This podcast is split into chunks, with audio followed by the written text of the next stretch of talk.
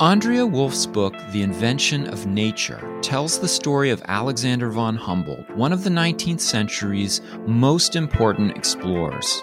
The book has won a number of important awards and was a New York Times bestseller. But does it get Humboldt right?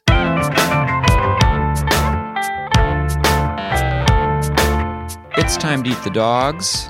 I'm Michael Robinson. Today, Jorge Canizares Esguerra talks about some of the problems of the invention of nature, specifically how Wulf's view of Humboldt divorces him from the intellectual traditions of Central and South American scholars who helped Humboldt reimagine the Americas for European and North American readers. Canizares Esguerra is a professor of history at the University of Texas at Austin. He's the author of many books, including how to write the history of the New World, histories, epistemologies, and identities in the 18th century Atlantic world. Jorge Canizares Esguerra, thank you so much for talking with me. Thank you. So, in 1799, the Prussian explorer naturalist Alexander von Humboldt travels to the Americas. He spends five years there with his uh, naturalist companion Aimé Bonpland, and uh, they do this kind of uh, whirlwind tour through South America, Central America. They visit Cuba. Ultimately, Humboldt visits Thomas Jefferson in Philadelphia, and then he returns home to Europe in 1804. Uh, he wasn't the first person to do this. So, why do you think Humboldt uh, was so spectacularly famous in the 19th century? That is a very good question. Well, there were other who were uh, also famous, but what what make uh, Humboldt particularly powerful in the 19th century were uh, what he did with all the things he collected, immense amounts of information on nature, history, history of the Americas, particularly indigenous Americas, but also the colonial Americas. He virtually created an encyclopedia of Spanish America for uh, Europe and the United States in particular that wanted to trade with the Americas, with Spanish America at the time of independence. This is a, a period when uh, Spanish America experienced revolutionary wars and secession from the Spanish monarchy and a space that had long been difficult to uh, understand for those who were not part of the Catholic monarchy, the Spanish Catholic monarchy, a region that had been not fully reported and studied outside the Spanish Catholic monarchy uh, became all of a sudden uh, accessible.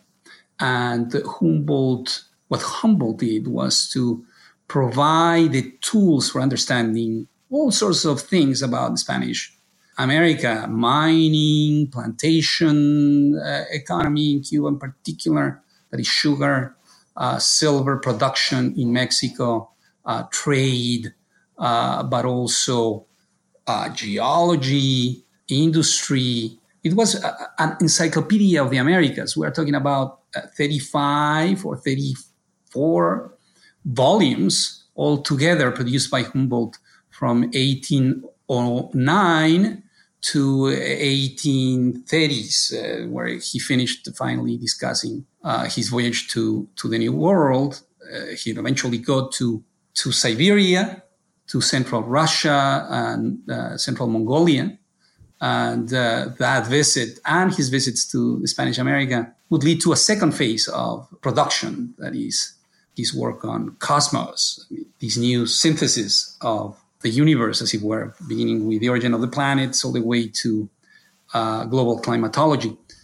I, I, think his his popularity and his importance has to do also with with the timing of uh, revolutionary wars that made him extremely uh, useful uh, at a time when an entire continent and the global economy was being transformed, and there was great interest on the part of merchants and politicians and etc., and scientists, of course, on these new markets and on these new polities. Yeah, I know that Humboldt is not known very well in the United States uh, comparatively to Europe and South South and Central America, but certainly for those of us who've been you know work on ex- exploration or colonialism, I mean Humboldt's a huge name, and so many books have been written about him, and so many biographies of Humboldt. Uh, in 2015, Andrea Wulf wrote a book, The Invention of Nature which really became quite a spectacular hit. And I was wondering if you could talk about her approach to Humboldt in her book. Yeah. Uh, Wulf's Invention of Nature, uh, yeah, was a spectacular success. I mean, I've counted about 25 prizes all over the world Italy, Germany, England, uh, the United States, and lately China, where uh, she's earned a couple of prizes. Uh, the recent, the most recent paperback edition uh, lists the New York Times, the Atlantic, the Economist, Nature, and ten other major publications among the venues that have declared the Invention of Nature as the best book of the year. So that is a quite an impressive roster. So the, the, the question is why? Why why is this book so spectacularly well received, or was so spectacularly well received. And so I think it, it has to do with the fact that she traces the origins of our modern ecological sensibilities back to Humboldt, uh, who spent uh, five years in Spanish America in the early 1800s, uh, exploring deserts, mountains, and jungles.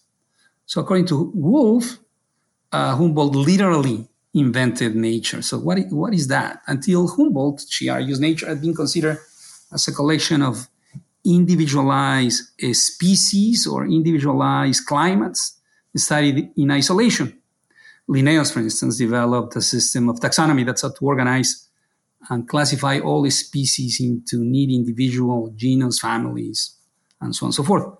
Uh, Humboldt, however, introduced the idea of geography of plants and geographies of the species, and how these various geographies, uh, communities, that is, not individuals, uh, interacted with one another and with landscapes, particularly climates. Um, Humboldt was capable, she argues, of seeing nature in a global scale. And I think that is a tradition in the history of science. Somebody who sees the earth as a whole, from the Urals to the Alps to the Andes to the Himalayas. Uh, this global perspective is ours today. Uh, and this global perspective superseded localized, provincial, parochial perspectives of nature. As you were saying, uh, she organizes this text uh, around the basis of Humboldt's ideas, correct? exactly, but also how those ideas travel, spread. Mm-hmm. So Humboldt was capable of understanding global nature as an ever constant changing system of plants, rocks, climates that steadily or violently created new rock formations, uh, new organic changes in plants and animals. So, according to Wulf, Humboldt inspired yeah. Darwin throughout Darwin's career. Darwin embarked in a five year voyage in the Beagle, largely inspired by Humboldt. So you, you would agree with that then? Yeah, I think that is well, very well established. Uh, that is not new or original with uh, Wulf. She's drawing on, on uh, something that is rather well known. Darwin came to think of speciation largely through Humboldt writings, uh, including the very category of natural selection. And she does a very good job at showing that. Uh, the other aspect that uh, Wulf highlights is that Humboldt was particularly interested in the web of life, uh-huh. that is, refusing to separate the organic from the inorganic, the individual from the whole.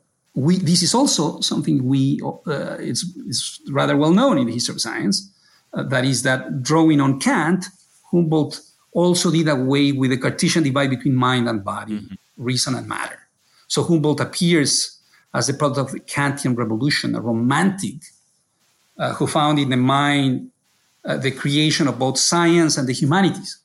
So self-experimentation with electricity in the case of Humboldt could shed light on the corpuscular structure of matter as much as on the threshold of psychological pain and pleasure. Mm-hmm. So it's, it's about it's about exploring the mind as much as it's exploring the outside, right? So this exploration of nature was ultimately an exploration of culture, she argues, and this is also well known. Uh, exploring the products of civilization was an exploration of the geography of climate.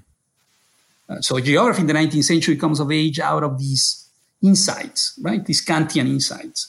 Uh, like rocks, uh, plants, and animals, humans belonged also in a specific geography and landscape. So human racial and cultural diversity was an expression of the uh, shaping formative influence of mountains, plants, rivers, specific cloud formations, climates, right? In short, what you're saying is, is that um, Wulf is describing Humboldt both as somebody who announces uh, South and Central America to a world that didn't know very much about it, and also used these uh, romantic and Enlightenment ideas to kind of frame that work, which was highly influential to the people who came after him. Is that is that correct? Right, but through these new sensibilities, Humboldt is uh, as much an uh, student of uh, or Aztec ancient history as he's a student of uh, Mexican plants. And he's drawing a connection between the two. That is what uh, makes him uh, particularly interesting or, or connects him to 19th century geography, particularly German geography. A chapter, for instance, uh, in Wulf's The Invention of Nature shows how Ernst uh, Haeckel, who was such a staunch supporter of Darwin, uh, draws inspiration on Humboldt, not only to support natural selection, but also to identify the art in nature. So she argues that Haeckel, through his drawings of uh, sea urchins and radiolarians, for instance, in his book, The Art of Nature, uh, was uh, highly influential in uh, Art Deco. Uh, so he shows that, for instance, Gaudí Gaudí, uh, the Catalan architect, drew heavily on Haeckel's uh, drawings uh, to design uh, his uh, modernist buildings in Barcelona. Uh, so this all goes back to to Humboldt, according to Wulf. This yeah. type of of analogies and connections between art and nature. So, what do you uh, what do you see as the ways in which this narrative uh, is leaving things out, or is not not complete or incorrect? Huh. Well, this is the crux of the matter. Uh, let me put another example here uh, to show you how this works. Uh, a third aspect of, of Wulf's uh, work is that she sees a connection between Humboldt's ideas on nature and politics. It's not only culture, it's not only globalization or a global nature, ecological nature, etc., etc., but it's a political nature, right? Uh, so Wulf, uh, throughout, ties Humboldt to uh, a revolutionary age. It's not only the age of revolutions at the turn of the century, but also is the rise of republicanism against monarchism in Europe all the way to 1848. Uh, and that is a constant of the book, right? Uh, so Humboldt comes of age as a leading naturalist in this age of Napoleonic France, and that is something that is also being uh, remarked by others. Uh, but when it comes to to the New World, uh, she draws connections between this Humboldt, who is who is using nature, uh, but is also reflecting on politics and colonialism, to understand uh, the origins of Jefferson's empire of liberty and Bolivar's ideas about revolution. And to critique structures like slavery in the Spanish colonies and the American colonies. Yes, and that is what is so interesting because, on the one hand, she shows us that Humboldt visits Jefferson in uh, Philadelphia and then goes to uh, Washington uh, meets uh, with everybody, the who is who of, of uh, early 1800 in the United States, including Madison. And what she argues Humboldt did with uh, Jefferson is to introduce Jefferson to Spanish America, give him all these information he had collected over the course of uh, five years. And part of that information uh, is a critique of colonialism as the source of ecological catastrophe. Uh-huh. Jefferson learns from Humboldt that uh, Spanish America is a shithole, and uh, with Humboldt, with the, idea, with the ideas of Humboldt, he reinforces his notion of agriculture through small proprietors as the source of virtue. So Jefferson's idea of empire of freedom is connected to Humboldt's visit, right? On the other hand, she has another chapter in which she shows the connection between Humboldt and Bolivar. Now, in that section, what we learn is that Bolivar draws on Humboldt differently. That is, he learns to see nature as a revolutionary force. Bolivar drew from Humboldt a critique of the colonial state and the metaphor of the volcanic Andes as a force of disruption and change. So Bolivar also learned from Humboldt to see uh, America not as a decrepit state of nature, and that is also true of Jefferson. Right? What is remarkable about this account is how different her account is of Bolivar and Jefferson and revolution in Spanish American Revolution in the United States. He has an, she has an entire chapter on Jefferson in which she has absolutely nothing mm. on slavery in Virginia. All her references to slavery in that chapter on Jefferson are references to slavery in Cuba and colonialism in Spanish America. One wonders why Wulf, for instance, does not explore the use of slavery and slaves in the building of Washington when she describes Humboldt's arrival in a Washington that was being built. She has this very striking uh, different approach to, to these spaces, the North and the South. I think that is the bottom line. What Wulf is doing is, is it's a genre in the history of science that is patronizingly colonial. Uh, in her book, the, the South, the global South, has tarantulas, but the North has ideas. For instance, Wulf describes every single detail of Humboldt's trip to Pennsylvania, excuse me, Philadelphia and Washington, but has nothing on his trip to Mexico, Lima, and other places. Yeah, I think there's 12, 12 pages on um, Philadelphia and about two sentences on. Yeah, this Mexico. is what the book has for Humboldt in Lima. One sentence. They arrived in Lima, quote, at the end of October 1802. Here they found passage to sail north to Guayaquil, end quote. Uh, so, in case it was unnoticed, Wulf reduces the intellectual significance of Lima to four words in 552 pages. Uh, this is what uh, she has for Humboldt, Humboldt's one year in Mexico City. Quote, after the departure from Guayaquil in February 1803, they, that is Humboldt, Montúfar, Bonpland, and Humboldt's uh, servant, Venezuelan servant, whom she describes as Jose, a guy without last name, Jose de la Cruz. After they had spent a year in Mexico, mainly in Mexico City, he, Humboldt, had scoured extensive colonial archives and libraries, interrupting his research only for a few expeditions to mines, hot springs, and yet more volcanoes. It was time to return to Europe. so, three sentences, yeah. in case uh, the point was unnoticed. The significance of one year in the largest city in the Western Hemisphere is reduced to 60 words in a book of 552 pages. And meanwhile, he's uh, meeting with Jose Mutis, the, the Spanish botanist, and other members of the South American intelligentsia. What's he doing, and why do you think it's so important to understanding Humboldt? Yes. There are a few things that historians of science and Wulf, of course, present as original to Humboldt and to this period. That is, this notion of uh, connections, global connections among regions and among populations that lead to an understanding of the earth as a whole and particularly when it comes to climate.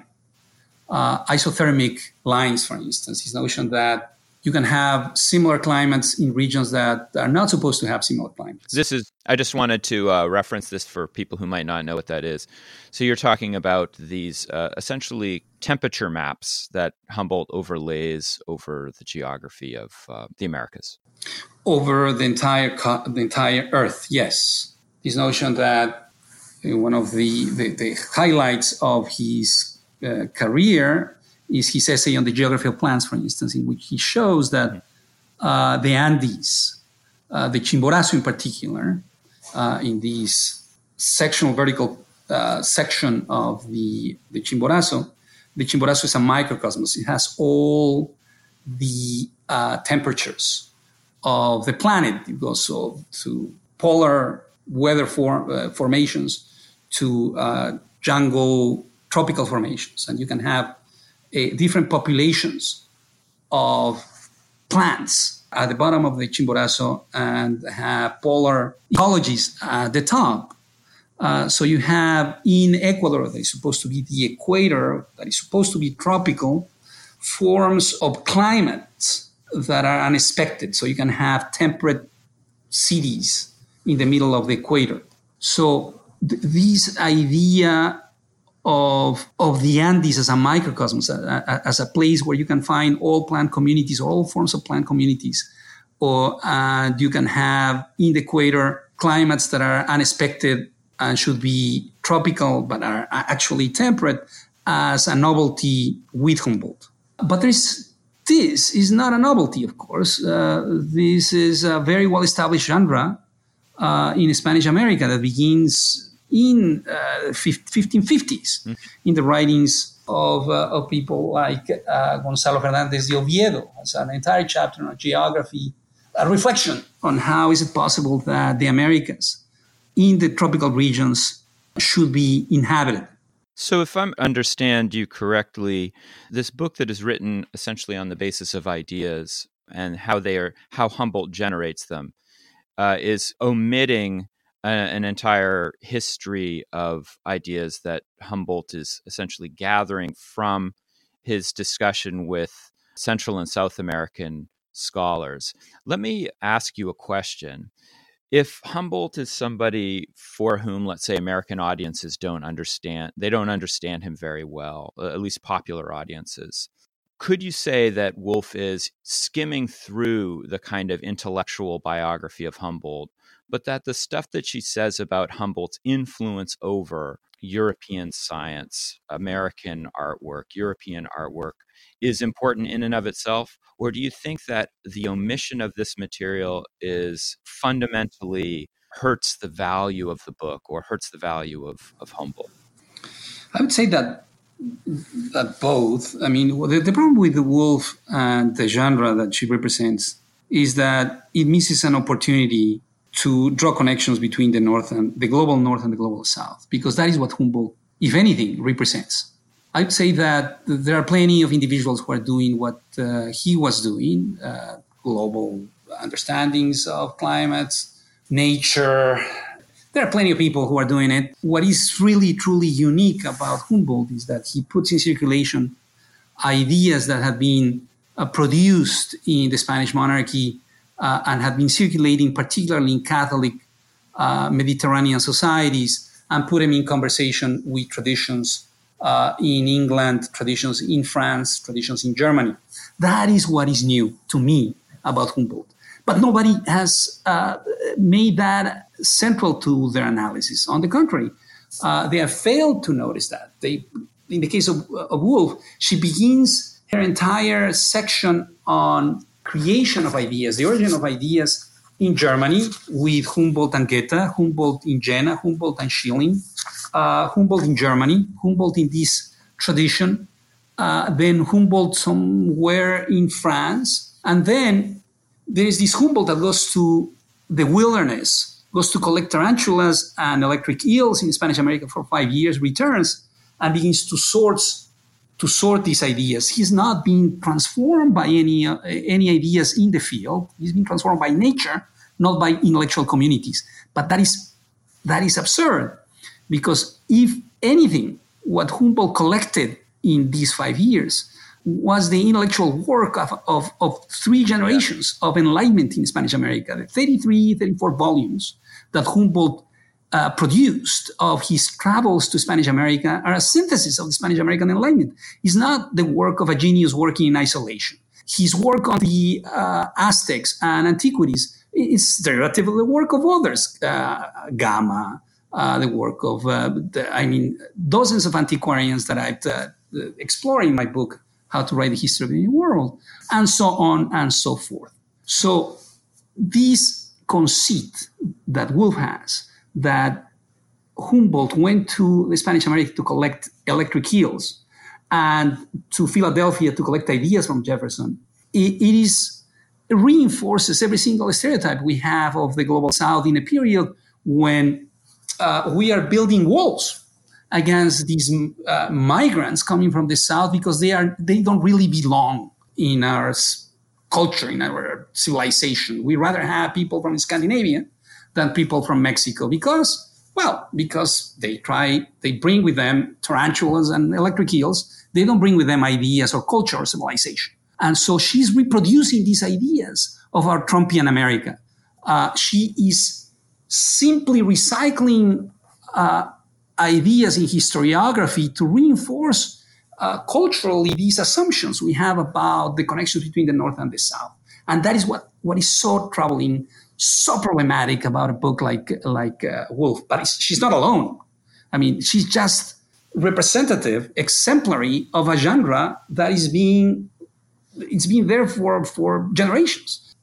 Well, yeah, I'm a part of that genre. Actually, I, am thinking about a piece I wrote, a short piece for Commonplace, uh, probably six or seven years ago, and it was basically a kind of uh, reception history of Humboldt in the United States. And uh, for what it was within the framework of reception, I don't think there was any problems with it, but it goes along with what you're saying, which is that the the framework for understanding Humboldt if we ha- if we move, let's say, beyond thinking of Humboldt's influence to how Humboldt was a part of a maybe a broader e- ecology of ideas, that it's totally missing the the chapters that you're talking about. Yes, there is no Humboldt without the Mexi- Mexican Enlightenment. There is no Humboldt without the Peruvian Enlightenment. It's that simple. It's not that he was a, a, a genius that all of a sudden learned how to read the Andes as a microcosmos. Yeah. He learned to read the Andes because he went to Peru, where there were generations of scholars who had already developed these ideas about uh, uh microclimates and about communities of uh, plants and animals uh, that needed to be understood as a synthesis of the climates of the sphere, of the global sphere. Mm. so the Chimborazo was the global sphere, read small, and you could find uh, all the races of the world as well. So you have these interpretations of the Andes that were very well established for two centuries in places like Peru that Humboldt found when he arrived in, in Spanish America. He was not prepared to find any of these because he went to Spanish America uh, on a whim. It wasn't planned, it wasn't well crafted, it was a trip that happened all of a sudden serendipitously because he was trying to connect with another trip that was uh, going to go to Pacific, a French expedition. So it's not that he had the intellectual tools to understand Spanish America before he left. He acquired those intellectual tools in situ in Mexico that had dozens of colleges and universities, in Peru that had dozens and colleges of universities. Do you think uh, that the usefulness of a kind of biological approach to Humboldt is still there, or do you think, um, in other words, like I guess I'm the question I'm asking is, is there another biography of Humboldt that you would write, or do you think that that framework for understanding this period in the history of science is just kind of fool's errand? Ah, that is a very good question. I think we need a different biography of Humboldt. I think biographies are good. They are popular. They are well read. They are liked by a wider public, uh, much better than uh, a scholarly monograph. So uh, the genre works. It has potential to reach out to wider publics. Uh, the problem is is, is one of conception. We need a biography of Humboldt in his five years in mm. Spanish America to trace all these things he collected that they were eventually were transformed into 34 volumes. Now, his connections to Spanish America did not end when he left Cuba to Philadelphia and eventually left for uh, Paris, where he lived for many years and then moved to Berlin, where he lived also uh, 30 decades or so. In Paris, you have large communities of Spanish Americans living in Paris and operating uh, at high levels of the Academy of France. I mean, you have leading figures of the Academy of France, scientific academies of France who are uh, yeah. from Spanish America. And these individuals disappear in these accounts. Uh, again, you have, and she does mention occasionally individuals who go to Berlin to visit him who are Spanish Americans as well. So the problem with the book is that people like Montúfar, who went with uh, Humboldt to Philadelphia and then to Paris, and is that they disappear yeah. as soon as they leave Guayaquil. Uh, they are there. They uh, he she mentions them uh, for the time that uh, Humboldt spent in, in Spanish America. But as soon as, as as Humboldt leaves this region, they disappear. They just mm. drop drop out from the picture. Uh, and again, I, I, this is not just a biography of the guy in his five years in Spanish America the connections, Spanish Americans remain connected to this guy and remain in dialogue with this guy through the 1810s, 1820s, 1830s, 1840s uh, to the very end. So I think a biography is useful, an intellectual biography is useful precisely to show these connections. I mean, the things she does, but with others. Uh, she does it very well with Thoreau, for instance, or with, uh, uh I don't know, Haeckel or others. Well, you could do that with uh, 19th century Spanish intellectuals that were just as prolific and just as uh, interesting. Uh, the problem is that we don't have those biographies. You don't have those ideas. They don't. They simply uh, do not count in the genealogies of knowledge and in the biographies of knowledge that we have uh, in the history of science or in the history of knowledge. Yeah. Jorge Canizares Esguerra, thank you so much for talking with me. Well, thank you, Michael. That's it for today. The music was composed by Zabrat Make sure you check out the Time to Eat the Dog's website for podcast links and other exploration related stuff. And if you get the chance, please take a minute to rate and review the show wherever you get your podcasts. It really helps make the show visible to new listeners. And if you want to recommend a guest or make a comment, feel free to contact me at time to eat the dogs, that's one word, lowercase, at gmail.com. See you next week.